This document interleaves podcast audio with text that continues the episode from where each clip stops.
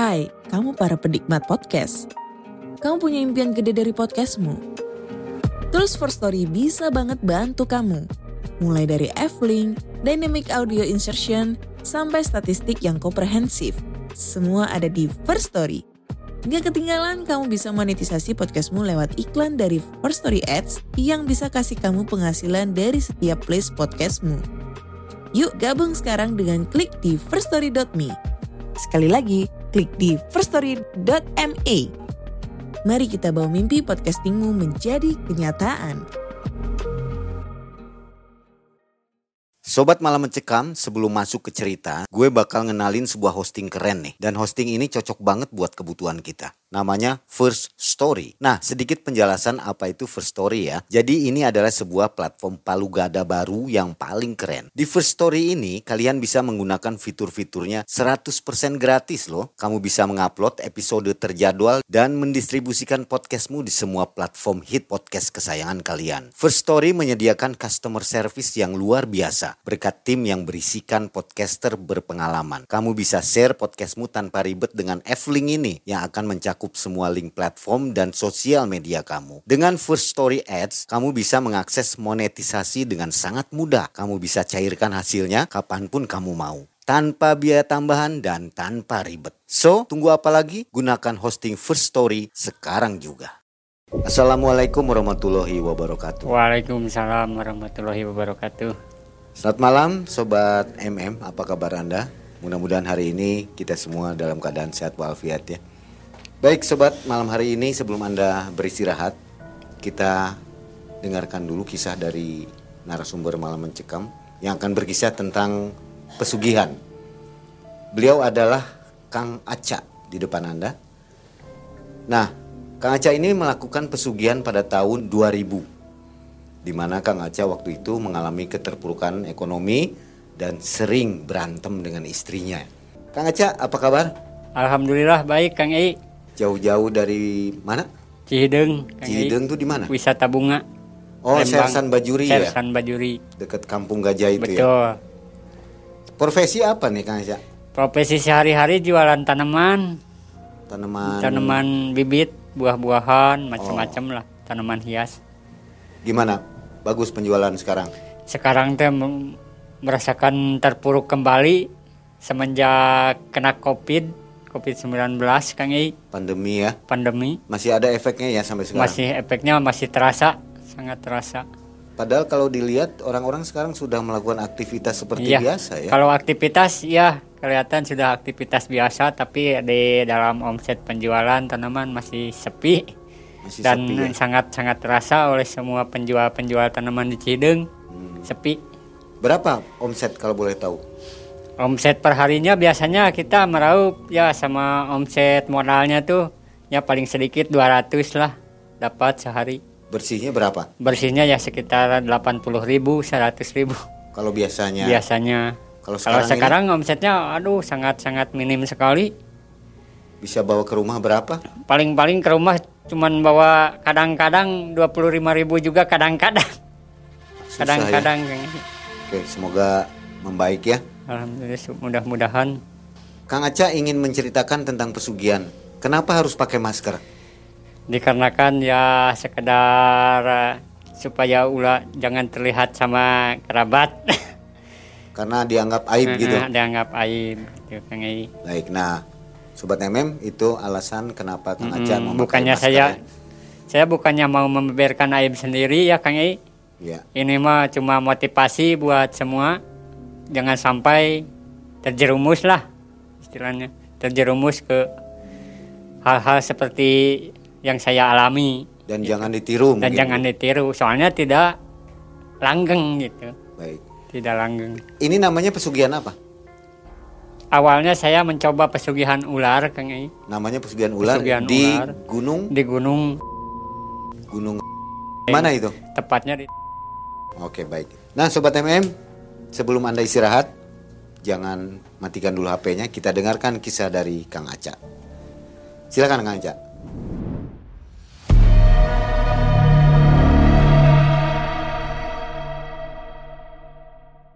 awalnya di tahun 2000 tuh saya tuh merasakan sangat-sangat terpuruk tahun 2000 itu. Ekonomi susah. ya? Ekonomi susah, omset menurun, penjualan sepi. Dan dari hal itu ditimbulkan ya permasalahan-permasalahan kecil awalnya sama yang di rumah. Itu ribut di rumah tangga. Ribut di rumah tangga. Selama berapa lama? Ya, kurang lebih enam bulanan lah Ribut terus ya. terasanya. Sampai saya merasakan tidak betah di rumah. Gimana menghadapi malam. Sampai bingung dibuatnya. Ada hutang juga. Kalau hutang alhamdulillah gak ada hutang. Cuman lah gitulah namanya orang rumah. Ada uang ya disayang, gak ada uang ditendang. Dan waktu itu juga saya selain ribut sama istri itu keadaan sakit. Kaki juga bengkak, kaki terasa. Sambil bingung-bingung saya gimana caranya ini supaya meningkatkan lagi omset gitu. Berpikir siang malam saya memikirkannya anak gitu. Gimana anak kalau omset begini terus anak gak bakalan makan dan kepikiran lah hal-hal negatif itu. Itu di, di luar di luar pola pikir lah istilahnya. Di luar pola pikir. Saya sampaikan kepikiran, aduh gimana kalau kita pesugihan? Kata saya teh. Dipikir-pikir. Takut juga gitu. Soalnya yang gituan kan menyangkut TB gitu. Tumbal. Dan akhirnya bakat saya ku saking sakit-sakitnya saya memberanikan diri lah akhirnya memberanikan diri dan suatu hari pergi saya malam-malam meskipun sakit kaki saya pergi Ke mana itu? ke Subang itu. Rencananya saya mau cari-cari tahu. Kebetulan kemarin-kemarinnya tuh ngobrol sama teman, oh di Subang cina katanya ada. Wah kalau di Subang kata saya bisa mampir dulu ke rumah paman biarpun gak punya ongkos juga gak apa-apa lah. Bisa jalan kaki ke Subang. Dan waktu itu saya pergi malam-malam jalan kaki sakit kaki Jalan kaki dari Bandung dari Bandung ke Subang. ke Subang. Berapa Subang. jam itu? jalan kaki kurang lebih ya sekitar setengah harian lah pergi dari rumah itu sekitar jam 9 jam 10 siang Sampai di sana jam sampai di sana jam 12 malam dan di perjalanan sambil kaki sakit juga saya merasakan pengennya gitu. Pengen saya hidup saya bangkit kembali. Saya udah gak merasakan sakit kaki pun juga. Sambil sedih dalam hati teringat anak saya. Gimana anak saya kalau gak makan meskipun begitu saya terus menguatkan hati pergi berangkat walaupun dalam keadaan hati mah sakit. Sebenarnya saya gak mau jauh sama anak. Gak mau saya jauh sama anak. Tapi mau gimana lagi kalau begini terus? Mungkin saya gimana gitu. Teruslah berangkat saya. Sekitar jam 9 siang saya berangkat nyampe Lembang. Nyampe Lembang teh udah sore. Terus berjalan. Sambil menelusuri jalan-jalan lalu lintas gitu. Melewati, melewati Tangkuban Perahu juga. la- lalu lintas ya melewati Tangkuban Perahu. Dan nyampe Tangkuban Perahu itu udah jam 7 malam. Jam 7 malam. Dan pas waktu pas nyampe kebun pinus itu itu merasakan hal-hal aneh gitu di luar nalar. Saya merasakan gemetar sampai merinding bulu kuduku. Merinding ada apa? Girangan bakalan ada apa.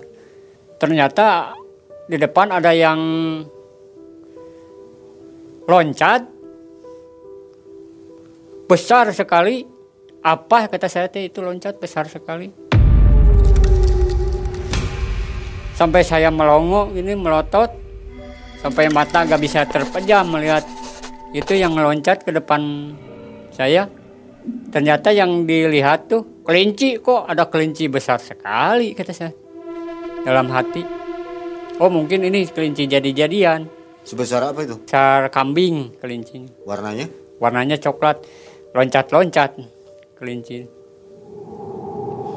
Saya saking penasarannya jangan-jangan ini makhluk yang mau ngasih rejeki. Pikiran saya begitu. Pikirannya positif lah waktu itu ternyata si kelinci itu kelinci jadi-jadian sampai merinding bulu kuduku pas waktu ngejar kelinci itu kelincinya loncat ke tengah-tengah kebun teh itu menghilang seketika. Terdengar suara angin gemuruh angin. Anginnya gemuruh sekali. Dan di situlah saya terdiam sambil merasakan ketakutan. Baru saya merasakan sangat-sangat takut. Baru merasakan hal-hal gaib itu ada. Padahal selama ini saya nggak pernah merasakan hal gaib. Dan ternyata kelinci itu hilang. Bagaikan ditelan bumi, hilang. Nah gitulah teruslah. Saya berjalan melanjutkan perjalanan, saya tuh melanjutkan perjalanan terus melanjutkan. Ya sampailah di rumah paman tuh sekitar jam setengah 12 malam. Jam setengah 12 malam teh ketuk pintu. Punten, Mangga, naon? Saha ieu? Saya Pak, saya Mang di Bandung. Alah kamu ke sini. Kenapa malam-malam ke sini ada apa? Bikin Mang kaget kata Mang saya. Mang bu- bukannya bikin Mang kaget. Saya teh ku sakingna sakit hati, Mang. Ingin merubah nasib. Siapa tahu kan di sini ada teman saya bilang ada di gunung ada tempat pesugihan waduh tong nekat jangan nekat begitu kata mang saya. Beresiko. Gak apa-apa lah mang. Saya tanggung risikonya asal jangan pakai TB kata saya teh gitu. Ya kalau gitu mah silahkan kata mang. TB apa itu? tumbal. Asal gak pakai tumbal orang lah kata saya. Ya kalau begitu silahkan.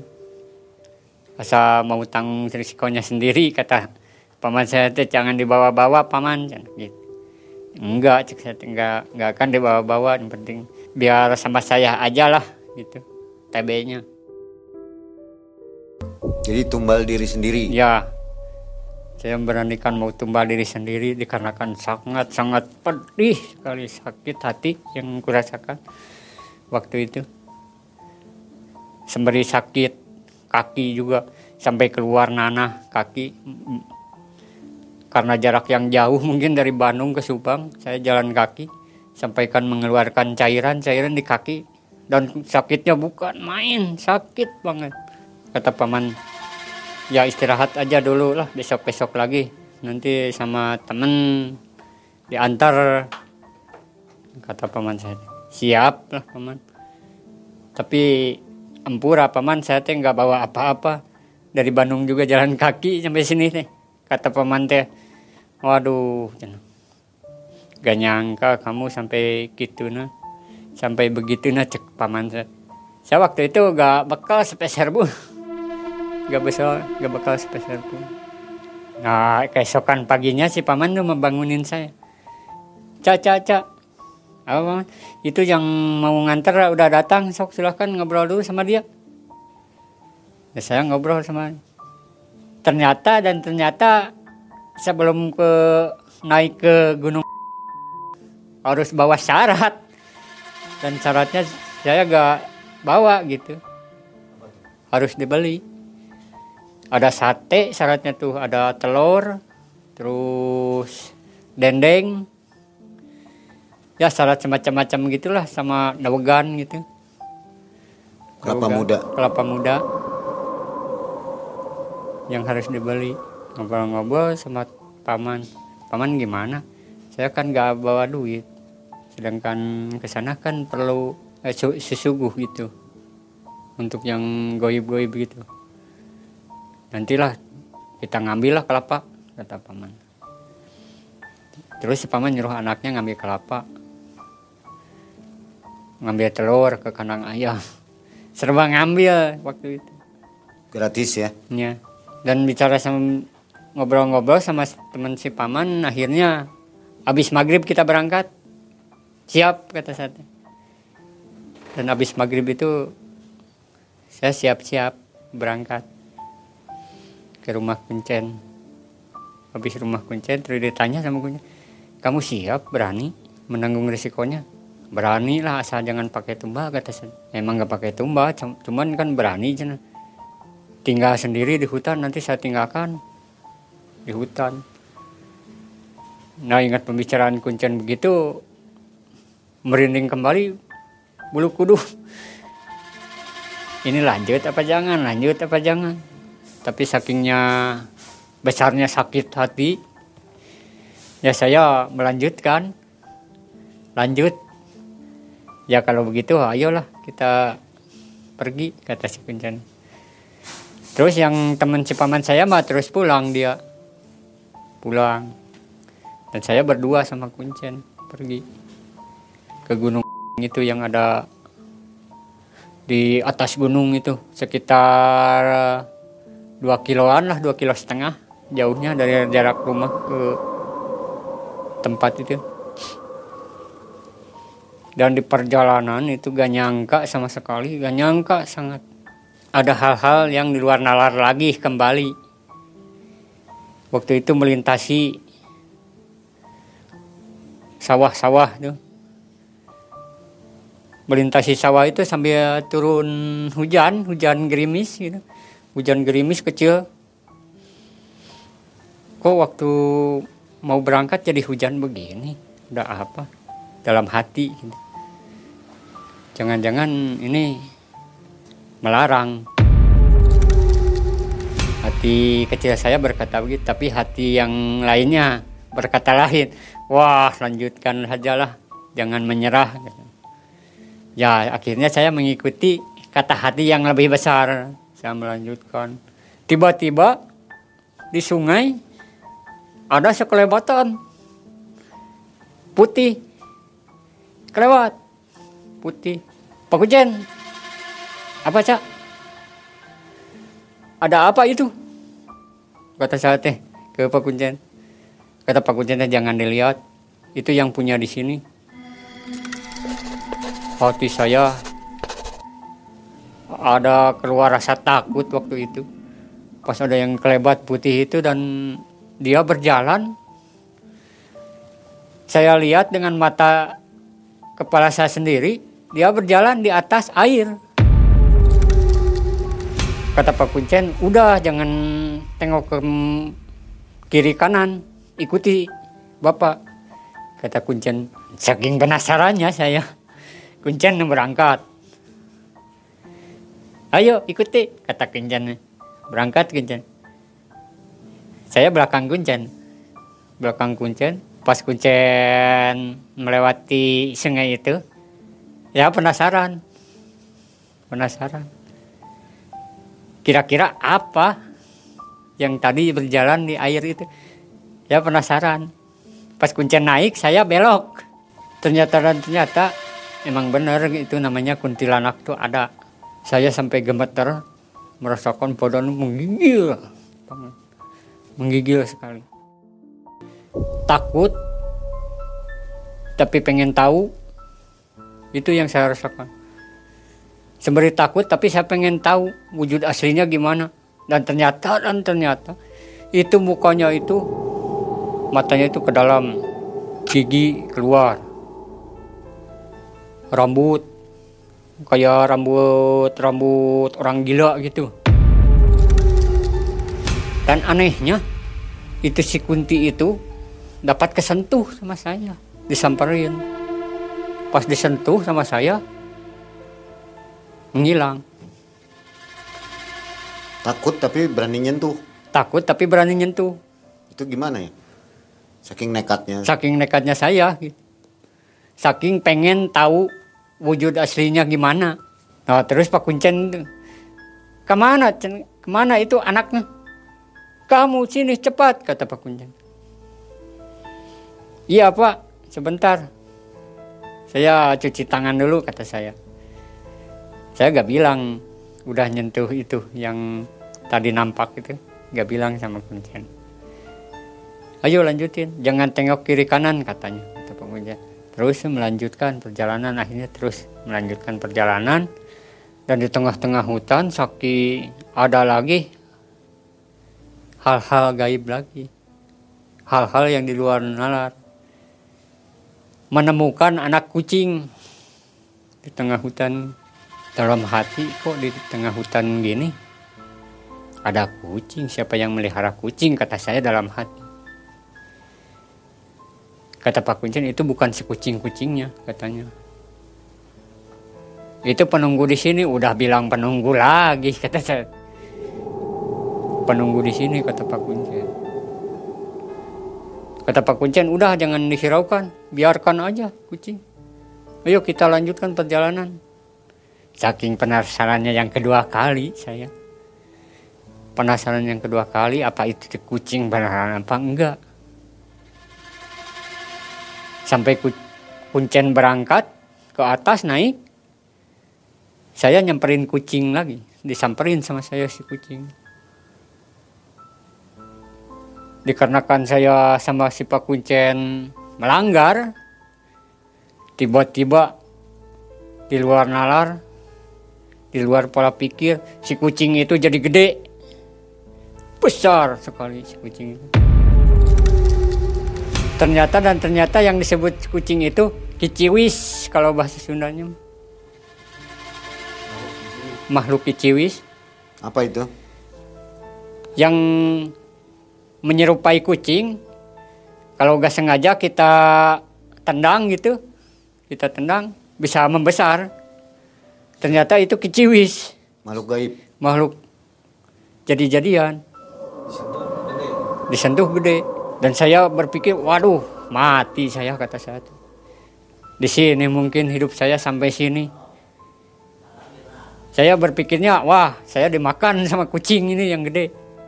Dan ternyata si kucing yang udah menjadi gede itu udah menjadi gede sekali. Ada sebesar kerbau lah kira-kira gedenya ada sebesar kerbau si kucing itu. Saya sentuh hilang lagi. Itulah kejadian aneh yang kedua kalinya kata Pak Kuncen ini anak gimana? Nggak nurutin perintah saya kata Pak Kuncen. Bukannya nggak nurutin Pak Kuncen saya tuh pengen tahu. Selama ini saya gak percaya sama-sama yang gaib-gaib gitu. Gak percaya saya. Dan ternyata hari ini membuktikan ternyata gaib itu emang ada.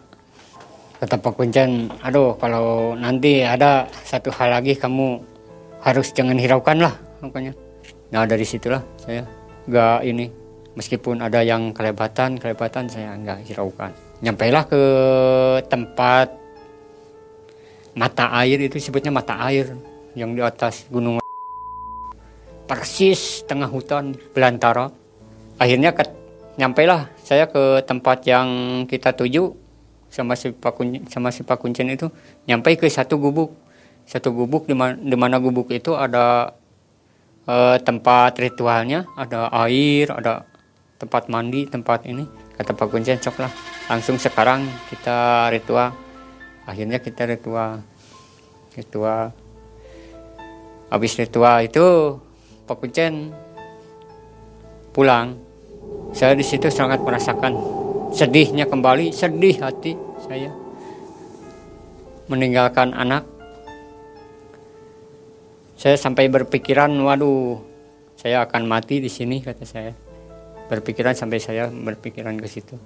Malam tiba semakin larut malam semakin menyeramkan suasana mencekam sangat mencekam sekali dan kelihatan di atas pohon itu pohon eh, kulang kaling itu. Ada yang gelayunan ada yang gelayunan dilihat di pohon terus yang mundar mandir seperti kera tuh banyak. Ini hari pertama. seperti kera tuh iya. Harusnya berapa hari ritualnya? satu malam. Hanya satu malam. satu malam. Dan akhirnya nyampe jam 12 malam mungkin sekitaran jam 12 malam tuh. Tiba-tiba odok kodok kodok yang namanya kodok itu besar sekali kodok. Mungkin ini raja kodok padahal saya gak menginginkan raja kodok yang saya inginkan putri ular kata saya. Di dalam hati kok yang datang kodok. Kodok itu besar sekali. Sampai saya menggigil ketakutan. Menggigil ketakutan melihat kodok saking besarnya tuh kodok itu. Menggigil. Dan akhirnya si kodok itu menghilang. Pas kodok menghilang ternyata ada dua orang yang datang nah di situlah jadi yang pertama itu gagal saya melakukan ritual yang Siapa yang pertama. datang? yang datang itu sama orang yang mau ritual juga. Dalam hati saya waduh ini mah gagal kata saya. Udah berpikiran begitu iya emang. Nah dari malam itu sampai larut malam lah. Saya saling berbagi ber- ngobrol-ngobrol wah kata saya kalau ngobrol begini gak bakalan ada lagi yang datang. Ternyata iya sampai pagi gak ada yang datang. Gak ada aura-aura yang menyeramkan dikarenakan jadi bertiga saya. Ternyata oh, ternyata yang datang dua juga sama. Ngobrolin masalah ekonomi juga dia juga. Masalah masalah dililit hutang kalau dia kalau saya bukan dililit hutang karena sakit hati sama yang di rumah dia mah terlilit hutang. Nah waktu itu ngobrol-ngobrol sama mereka nggak terasa nyampe subuh. Pas paginya saya turun dijemput sama Pak Kuncen. Dijemput sama Pak Kuncen kata Pak Kuncen gimana tadi malam? Wah gak ada apa-apa gagal kata saya. Ternyata gagal. Pulang lah saya ke rumah paman saya. Dan di rumah paman saya wah gagal. Gak bakalan berhasil kata paman saya tapi kalau mau coba nanti ada kata paman saya teh di mana paman? Juk Daik mah berangkat ke Cirebon. Berarti beda tempat. beda tempat. Yang diharapkan putri ular yang di situ ternyata yang datang malah siluman kodok. Belum sempat ngobrol apa-apa ya. Belum sempat ngobrol apa-apa keburu ada tamu yang datang keburu ada tamu yang datang datang menghampiri dan itu menghilang seketika. Saya memikirkannya gimana? Mau berangkat ke sana paman? Saya uang pun juga gak ada. Nah di situ saya memberanikan diri pergi dari rumah paman tuh pergi siang-siang. Ya kalau begitu malah paman saya mau ke mana aja nyampainya. Kamu jangan gitu pulang ke rumah kata paman cek paman. Tapi saya gak mau pulang. Saking sakitnya hati. Saking sakitnya hati itu gak mau pulang. Saya memaksakan diri pergi melanjutkan ceritanya perjalanan. Ke mana nyampainya. Dan ternyata hal-hal yang di luar nalar itu muncul. Sampai saya ketemu sama orang di jalan sampai orang itu membawa saya naik kendaraannya Itu perjalanan dari mana? perjalanan dari Subang Ke Cirebon. ke Cirebon Nggak bawa uang. gak bawa uang sama sekali Paman nggak kasih. gak ngasih paman juga lagi sengsara lagi kekurangan waktu itu sama Jadi ada yang ada yang nolong boleh ikut gitu. Mm-mm, ada yang nolong yang yang lewat saya lagi berjalan kaki sampai merasakan eh, sakit kaki pas waktu berjalan tuh ada yang lewat. Kang mau ke mana Kang? Waduh saya teh mau ke Cirebon. Waduh jauh sekali mau ke Cirebon emang mau apa? Ke Cirebon. Ada hal-hal penting kata saya teh. Aduh naiknya. Naiklah saya ikut sama dia. Kebetulan saya mau ke ke Majalengka katanya. Motor atau mobil? ikut naik motor. Naik motor ikut lah nah ceritanya saya nyampe lah ke Majalengka. Di Majalengka itu turun. Terima kasih Kang atas tumpangannya. Kata, kata si Akang itu emang masih jauh dari sini? Jauh lah Kang. Dikasihlah saya buat ongkos sama dia. Nah dari situlah saya mungkin ada panggilan makhluk gaib itu saya bisa sampai ke Cirebon sana. Ada yang ngasih ongkos. Dia ngasih 100 ribu sama bekal kan. Alhamdulillah kata saya oh ternyata mungkin udah ada panggilan. Itu dalam hati saya. Udah nyampe Cirebon tuh udah sore sore sekali. Saya bingung harus ke mana. Nggak tahu alamatnya nggak tahu tempatnya. Saya nanya-nanya nanya oh ternyata di tempatnya tuh dekat perbatasan antara Kuningan Cirebon. Di gunung? Dekat Kuningan Cirebon. Itu masih wilayah uh, desa lah. Desa belum nyampe ke gunungnya katanya di situ ada uh, Pak Haji. Kok kuncinya Pak Haji kata saya. Ternyata haji itu cuman haji-hajian. Saya hampirilah ke rumahnya. Ternyata di rumahnya itu banyak sekali. Banyak sekali tamu. Dari mana-mana tamu. Saya dari dari Bandung ada tamu dari Jakarta ada yang dari Jawa ada wilayah Garut Tasik ada. Ternyata laki-laki perempuan ada di situ. Saya ngobrol-ngobrol sama mereka ternyata mereka juga satu satu misi sama saya teh. Misinya ya pengen bangkit pengen punya kekayaan dengan cara instan dan ternyata itu uh, syaratnya itu harus jinah di kuburan jinah di kuburan dan jangan sama pasangan. Dalam hati saya merasakan berat. Berat sebenarnya. Ini apa harus diikuti e, persyaratannya begitu apa jangan?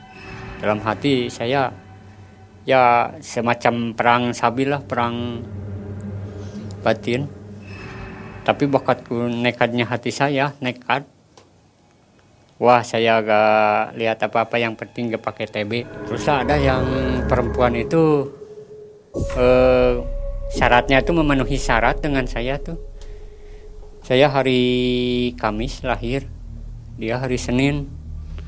Itu pasien juga? Mm -mm, pasien juga memenuhi syarat. Kata Pak Kuncennya tuh, kamu ini sama ini memenuhi syarat. Dan kelihatannya tuh sangat cantik kali cewek itu sama saya. Dilihatnya cantik sekali.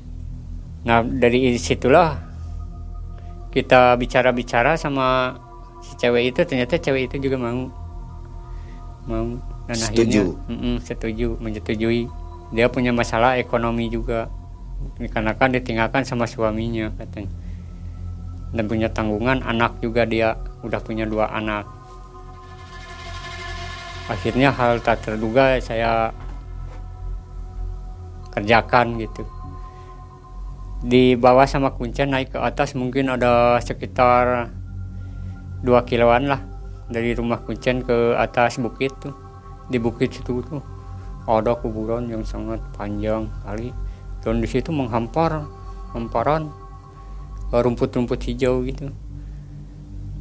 Ternyata di situlah tempat melakukan ritual gitu. Nah di perjalanan saya ceritakan ini lagi perjalanan menuju ke gunung itu. Malam-malam? Malam-malam. Sekitar habis isya berangkat dari rumah Pak Kuncen tuh habis isya. Ternyata pas waktu berjalan itu saya gak nyangka sama sekali tapi bukannya dilihat sama saya doang gitu. Dilihat sama semua orang juga sama kuncen sama si perempuan itu juga kelihatan. Ada yang mukanya oh, matanya seperti moto sekelilingnya. Seperti moto sekeliling seperti nanas gitu tapi berbentuk manusia. Cuma mata di mana-mana sampai saya gemetar ketakutan. Saya gak bisa melanjutkan kata saya ke Pak Kuncen. Kata Pak Kuncen jangan menyerah jangan menyerah. Kalau mau mau bangkit ayo. Kalau gak mau ya pulang. Bertiga itu bertiga. Seperempuan itu hampir hampir pingsan melihat si makhluk itu. Dan saya juga sangat gemetar sekali melihat si makhluk itu. Ternyata di dunia ini ada makhluk yang matanya sekelilingnya itu yang dinamakan mata seribu mungkin kata Pak Kuncen emang iya kata Pak Kuncen mata seribu. Tapi jangan takut itu mah cuma penghalang kita supaya kita gagal saya agak hiraukan. Tapi si perempuan itu hampir pingsan. Nah melihat si mata sekelilingnya itu dia sambil nangis dituntun sama Pak Kuncen itu dituntun naik. Akhirnya saya meneruskan perjalanan dan suatu saat kemudian beberapa menit kemudian menemukan lagi tapi ternyata yang dilihat sama saya doang. Ada ular besar sekali yang membentang. Tapi sama si perempuan itu sama si kuncen kelihatannya bukan ular akar. Yang saya lihat itu ular. Kok ular besar-besar sekali? Saya juga merasakan merinding di sana juga tapi ya tidak dihiraukan lah sama saya. Yang penting saya mau naik aja ke atas. Udahlah bulat. Gitu. uh, hati saya udah bulat. Naik ke atas. Nah beberapa menit kemudian nyampe di atas sama si Pak Kuncen langsung ritual. Dan akhirnya si Pak Kuncen tuh melakukan ritual-ritual menyuruh saya uh, bersetubuh dengan si perempuan itu. Akhirnya ya saya menggelar tikar gitu dengan si perempuan itu. Akhirnya Pak Kuncen juga uh, pulang saya ditinggal berdua di situ. Ditinggal berdua kata Pak Kuncen nanti dijemput pagi-pagi. Nah waktu mau mau mengerjakan ritual itu saya nanya dulu ke Neng Ina Neng Ina gimana ini? Neng Ina apa Rido enggak? Kata Neng Ina teh sama bang. Saya juga sakit pengen bangkit. Ya kalau begitu malah ayolah kita kerjakan. Nah gak lama kemudian saya melakukan bersetubuh dengan si perempuan itu. Saya nggak menghiraukan masalah itu. Saya melanjutkan. Terus kita bersetubuh. Bersetubuh kurang lebih ya mungkin lama waktu setengah jam lah. Lama waktu bersetubuh. Lamanya mah kita ngobrol-ngobrol terus selanjutnya ngobrol-ngobrol. Dan tiba-tiba udah melakukan ritual itu ada angin menghembus besar sekali, menggelebuk-gelebuk di atas pohon itu asam kalau gak salah, asam. Dan ternyata ada penampakan sosok besar, besar hitam, tapi nggak wujudnya nggak kelihatan, cuma kelihatan nampaknya aja sosok besar itu yang membuat saya gemetar dan spontan si perempuan itu pingsan dan mulai reda mulai reda angin pun mulai mengecil dan si makhluk itu juga hilang. Hilang si perempuan itu juga kemudian tersadar terbangun. Kata perempuan ada apa bang tadi? Yang gede itu? Kata saya mungkin penunggu di sini penunggu pohon asem kata saya. Si perempuan itu juga sambil dekat sambil nangis memeluk saya. Saya juga begitu sama memeluk si perempuan itu. Di situlah terasa saya sangat sangat eh, apa namanya ingat sama yang di rumah. Saya udah mengkhianati gitu. Udah mengkhianati. Tapi hati saya ingin saya supaya bangkit lagi usaha tekadnya. Nah di situlah saya memberanikan diri gak lama kemudian ceritanya udah subuh. Udah subuh dijemput sama si Pak Kuncen datang ke atas terus ngobrol-ngobrol sama Pak Kuncen terus Pak Kuncen nanya ada apa malam? Kata Pak Kuncen. Oh ada yang gede kata saya teh. Dan kata si perempuan juga sambil nangis ke Pak Kuncen. Ada buta hijau kata kata si perempuan. Kata saya teh bukan buta hijau itu mah kayaknya jin yang besar begitu mah jin. Soalnya berbulu. Itu cuman saya lihat sama si perempuan itu dan akhirnya ngobrol sama si Pak Kuncen kata Pak Kuncen teh oh ini mah pertanda akan berhasil katanya. Tapi ingat kata Pak Kuncen kalau berhasil harus berbagi. Yuk kita pulang kata Pak Kuncen.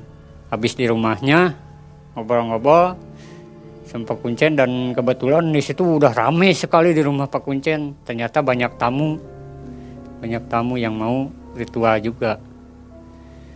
dan akhirnya saya ngobrol-ngobrol sama Pak Kuncen. Ingat kata Pak Kuncen satu hal.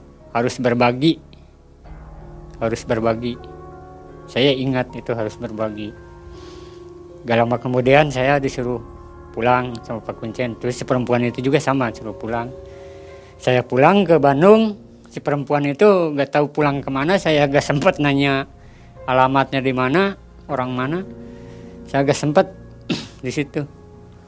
Saya pulang bergegas pulang.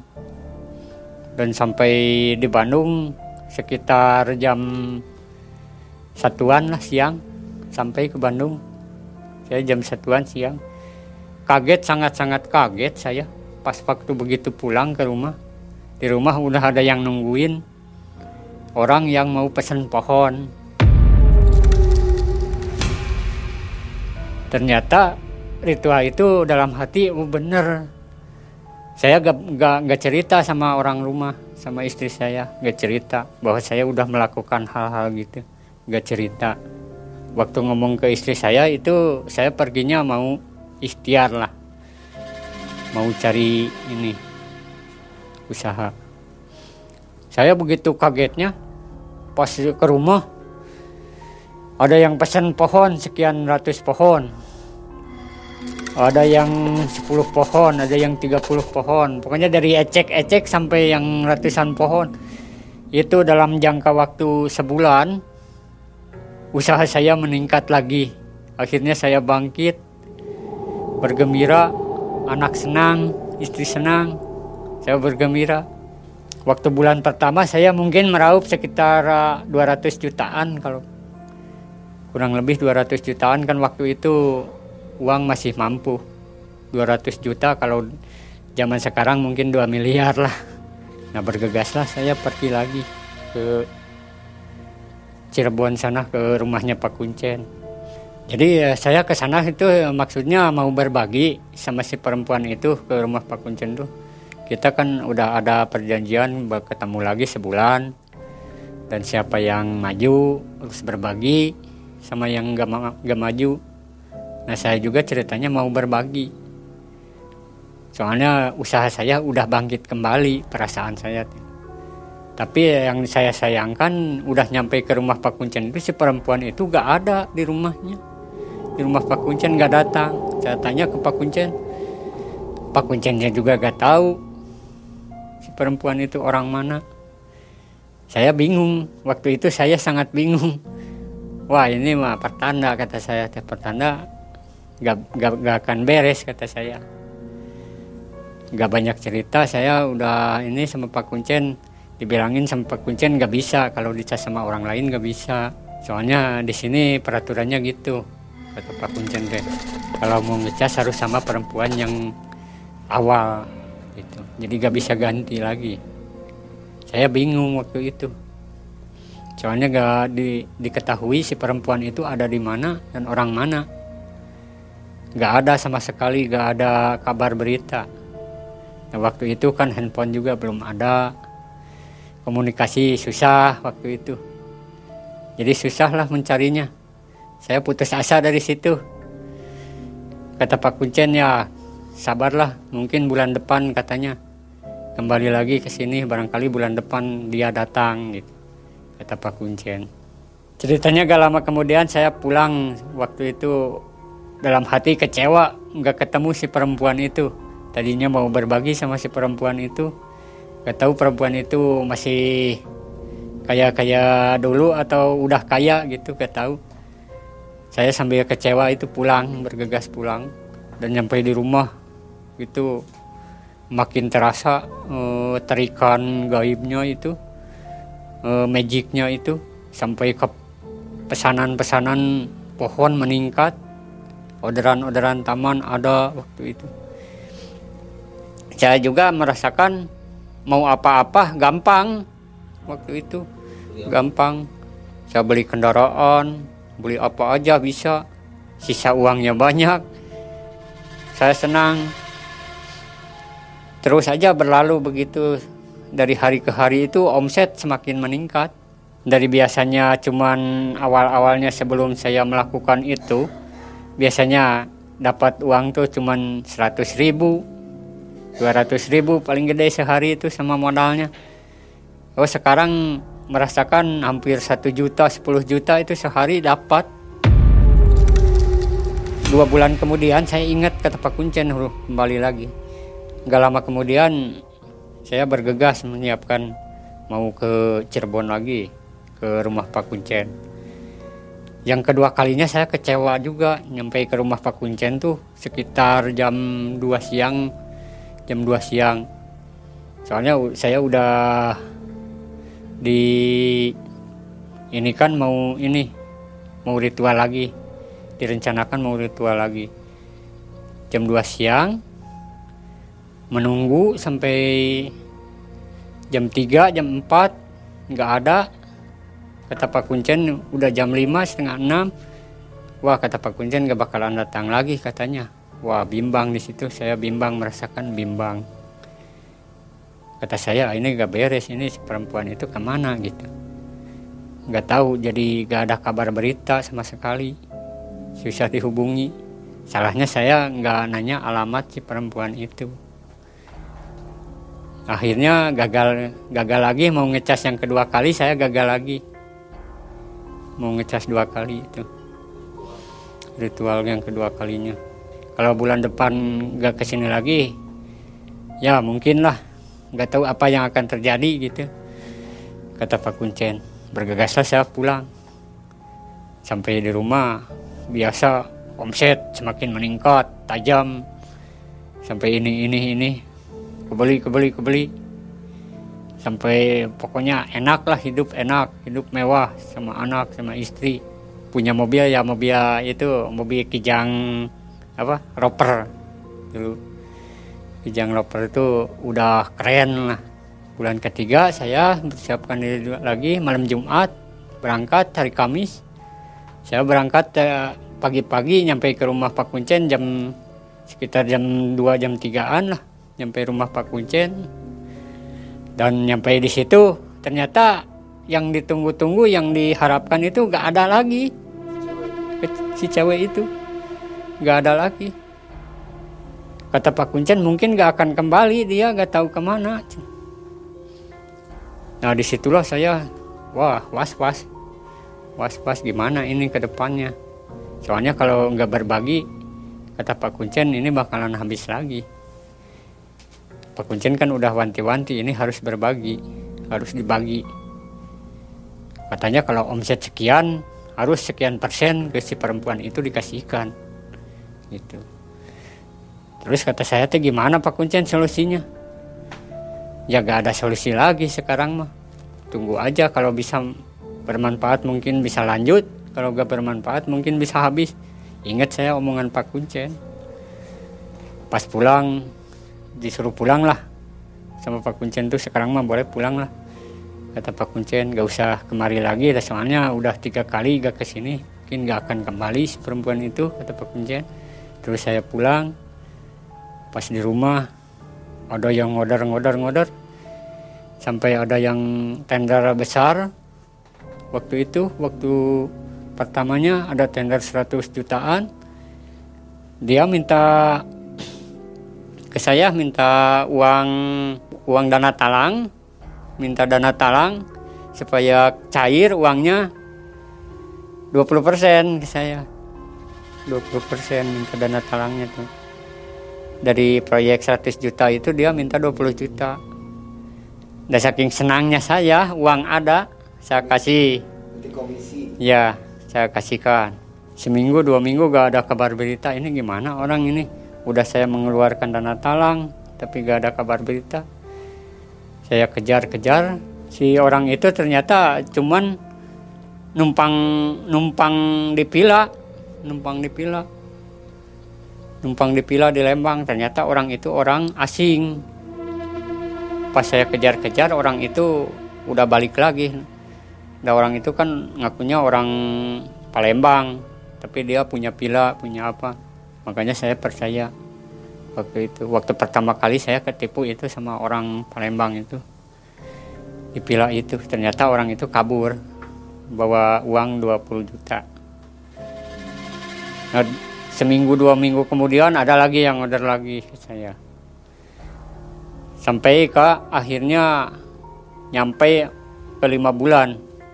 Ke lima bulan lah merasakan saya banyak uang itu sampai ada order yang 300 jutaan. 300 juta dia minta minta komisi di muka. Saya kasih komisi di muka 50 juta. Ternyata orang itu sama dengan yang bulan-bulan kemarin penipu juga. Nah dari situlah saya mulai terpuruk lagi.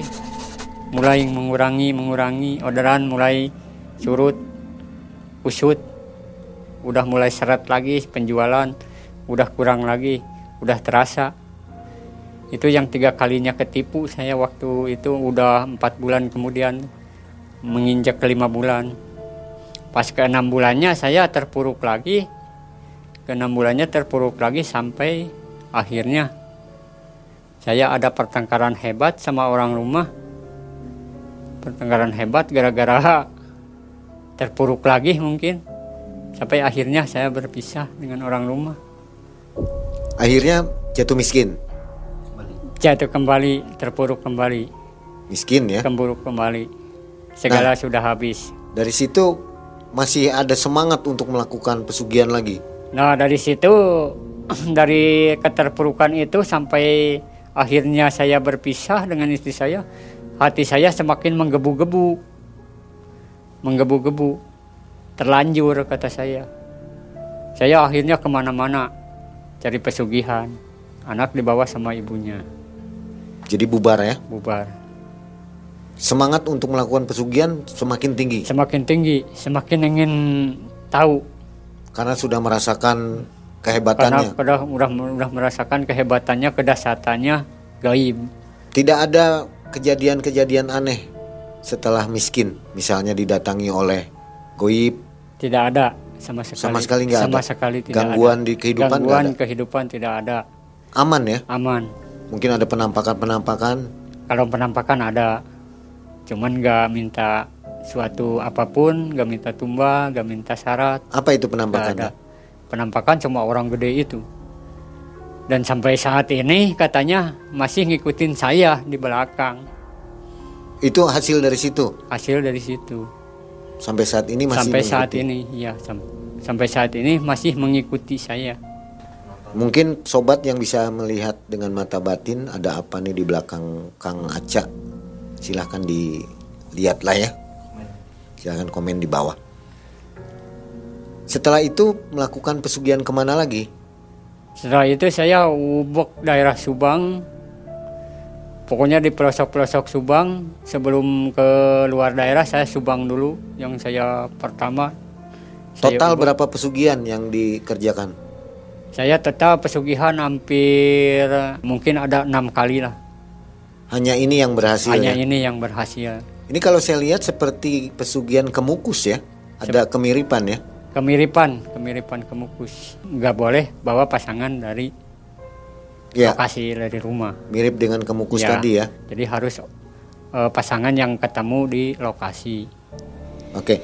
Nah, ini menarik sobat. Jadi setelah kejatuhan Kang Aca ini, Kang Aca terus melakukan pencarian ke tempat pesugihan yang lainnya. Ya. Apakah sobat ingin mendengarkan kisah-kisah lainnya dari Kang Aca ini? Silahkan komentar di bawah. Kang Aca siap ya untuk menceritakan pengalaman melakukan pesugihan ke tempat lainnya? Siap, insya Allah siap. Oke, kita tunggu komentar dari sobat MM ya. Dan ini bukan untuk ditiru. Tentunya kisah ini adalah untuk memberikan tambahan informasi kepada Anda jangan melakukan hal ini. Bukan untuk mendorong Anda melakukan pesugihan. Baik, saya Mangai dan tim akhirnya undur diri. Jangan lupa untuk menyaksikan kisah dari Kang Aca selanjutnya. Kita tunggu komentar dari Anda. Assalamualaikum warahmatullahi wabarakatuh. Waalaikumsalam warahmatullahi wabarakatuh.